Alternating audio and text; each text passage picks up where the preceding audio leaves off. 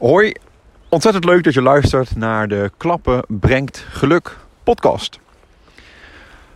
Vandaag wil ik het graag uh, met je hebben over een van mijn uh, favoriete hobby's.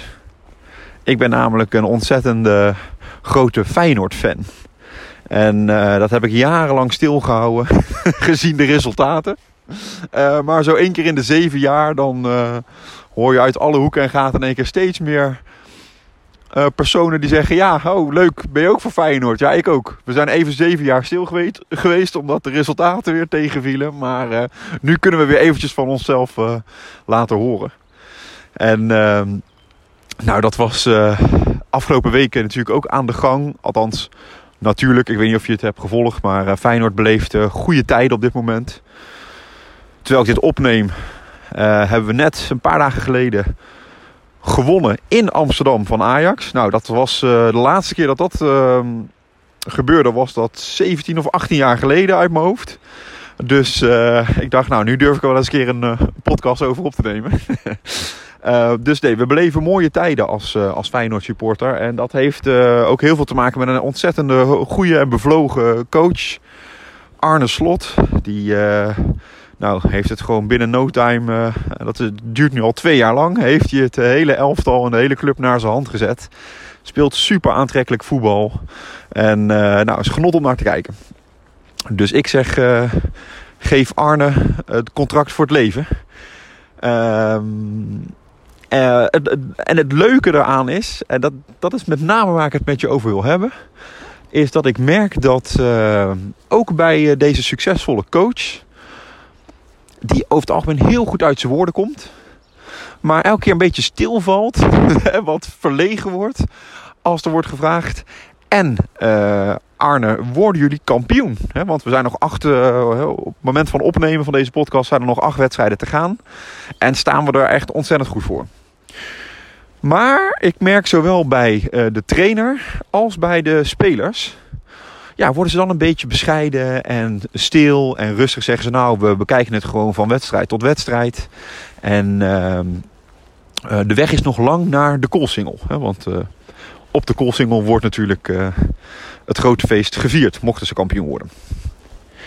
En het is dus grappig dat ze ehm, op de een of andere manier nog niet durven uitkomen voor... Ja, wij worden kampioen. Dat hoor je onze vrienden uit Amsterdam over het algemeen veel makkelijker zeggen. Ja, we worden gewoon kampioen. Tuurlijk. Er is geen andere optie. Uh, en uh, het leuke is dus van, ja, hoe komt dat nou dat ze dat woord, dat ene woord kampioenschap niet durven uit te spreken? Nou, daar zitten natuurlijk allerlei psychologische fenomenen misschien onder. Hè, van zodra je gaat roepen, ja, wij worden kampioen. Ja, worden alle ogen zijn op jou gericht, wordt de druk dus ook veel groter dan die misschien nu is. Um, en nou, daarom is het natuurlijk ook vrij begrijpelijk dat ze dat woord kampioenschap nu nog niet durven uit te spreken. Of niet willen uitspreken. Dus ja, woorden doen ertoe. Uh, woorden geven lading. En uh, dat viel mij ook op. Uh, de afgelopen maanden heb ik veel gesprekken gevoerd binnen zorginstellingen. Veel al ook binnen ziekenhuizen. Uh, over uh, een ander woord wat ertoe doet. uh, en dat is het woord werkgeluk. Hè? Werk maken van werkgeluk. En het leuke is, ik merk bij de directeuren en bestuurders die ik gesproken heb, ook een soort terugtrekkende beweging als je het woord werkgeluk uitspreekt. Zoals dat bij Feyenoord gebeurt als je het over het kampioenschap hebt.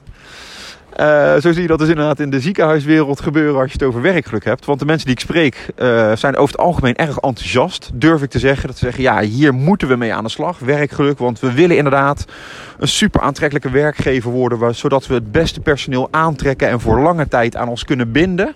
Dat is precies wat er nu nodig is. Um, maar Erwin, uh, ja, moeten we het echt werkgeluk noemen? Of mogen we het ook wat afzwakken? Kunnen we het bijvoorbeeld ook een veiligere term geven zoals werkplezier of duurzame inzetbaarheid of vitaliteit of nou, eh, bevlogenheid. Er zijn allerlei natuurlijk varianten mogelijk. En nou, de eerste vraag die ik altijd heb is van waarom zou je dat willen doen? Hè? En dan hoor je altijd wel een, ja, denk ik ook een heel eerlijk antwoord. Ook iets wat ik herken, hè, dat je altijd een groep hebt in de organisatie die helemaal aangaat van het thema werkgeluk. Daar heel erg enthousiast over is en zegt: ja, tuurlijk, hè, heel logisch om uh, gelukkig te zijn in je werk. Wie wil dat nou niet? En de andere groep uh, krijgt een soort allergische reactie. Die, die, zitten gelijk in de weerstand. Oh, geluk in je werk. Uh, mag er dan geen ongeluk zijn? Of nou, die kunnen allerlei.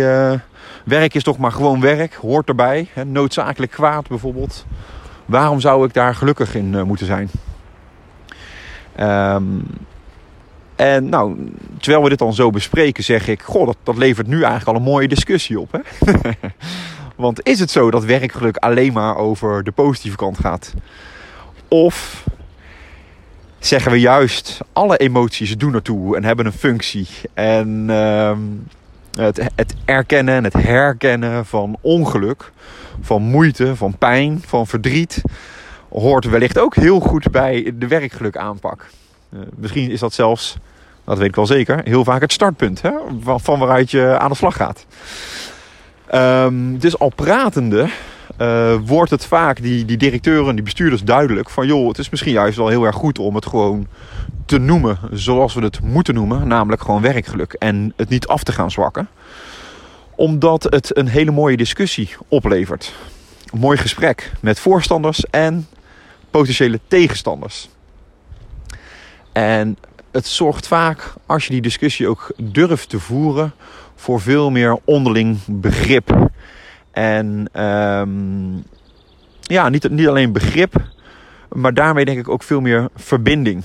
En um, daarom zeg ik altijd: uh, noem het zoals je het naar mijn idee zou moeten noemen.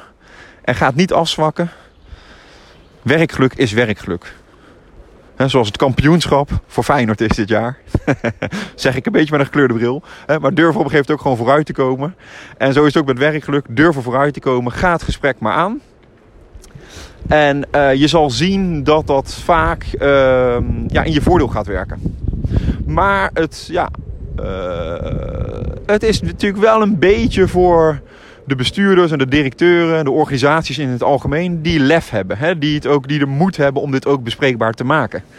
Maar je zal zien, als je dat doet, nou, dan levert je ook hele, hele mooie uh, inzichten op. Nou, hopelijk heb je wat uh, aan deze tip gehad.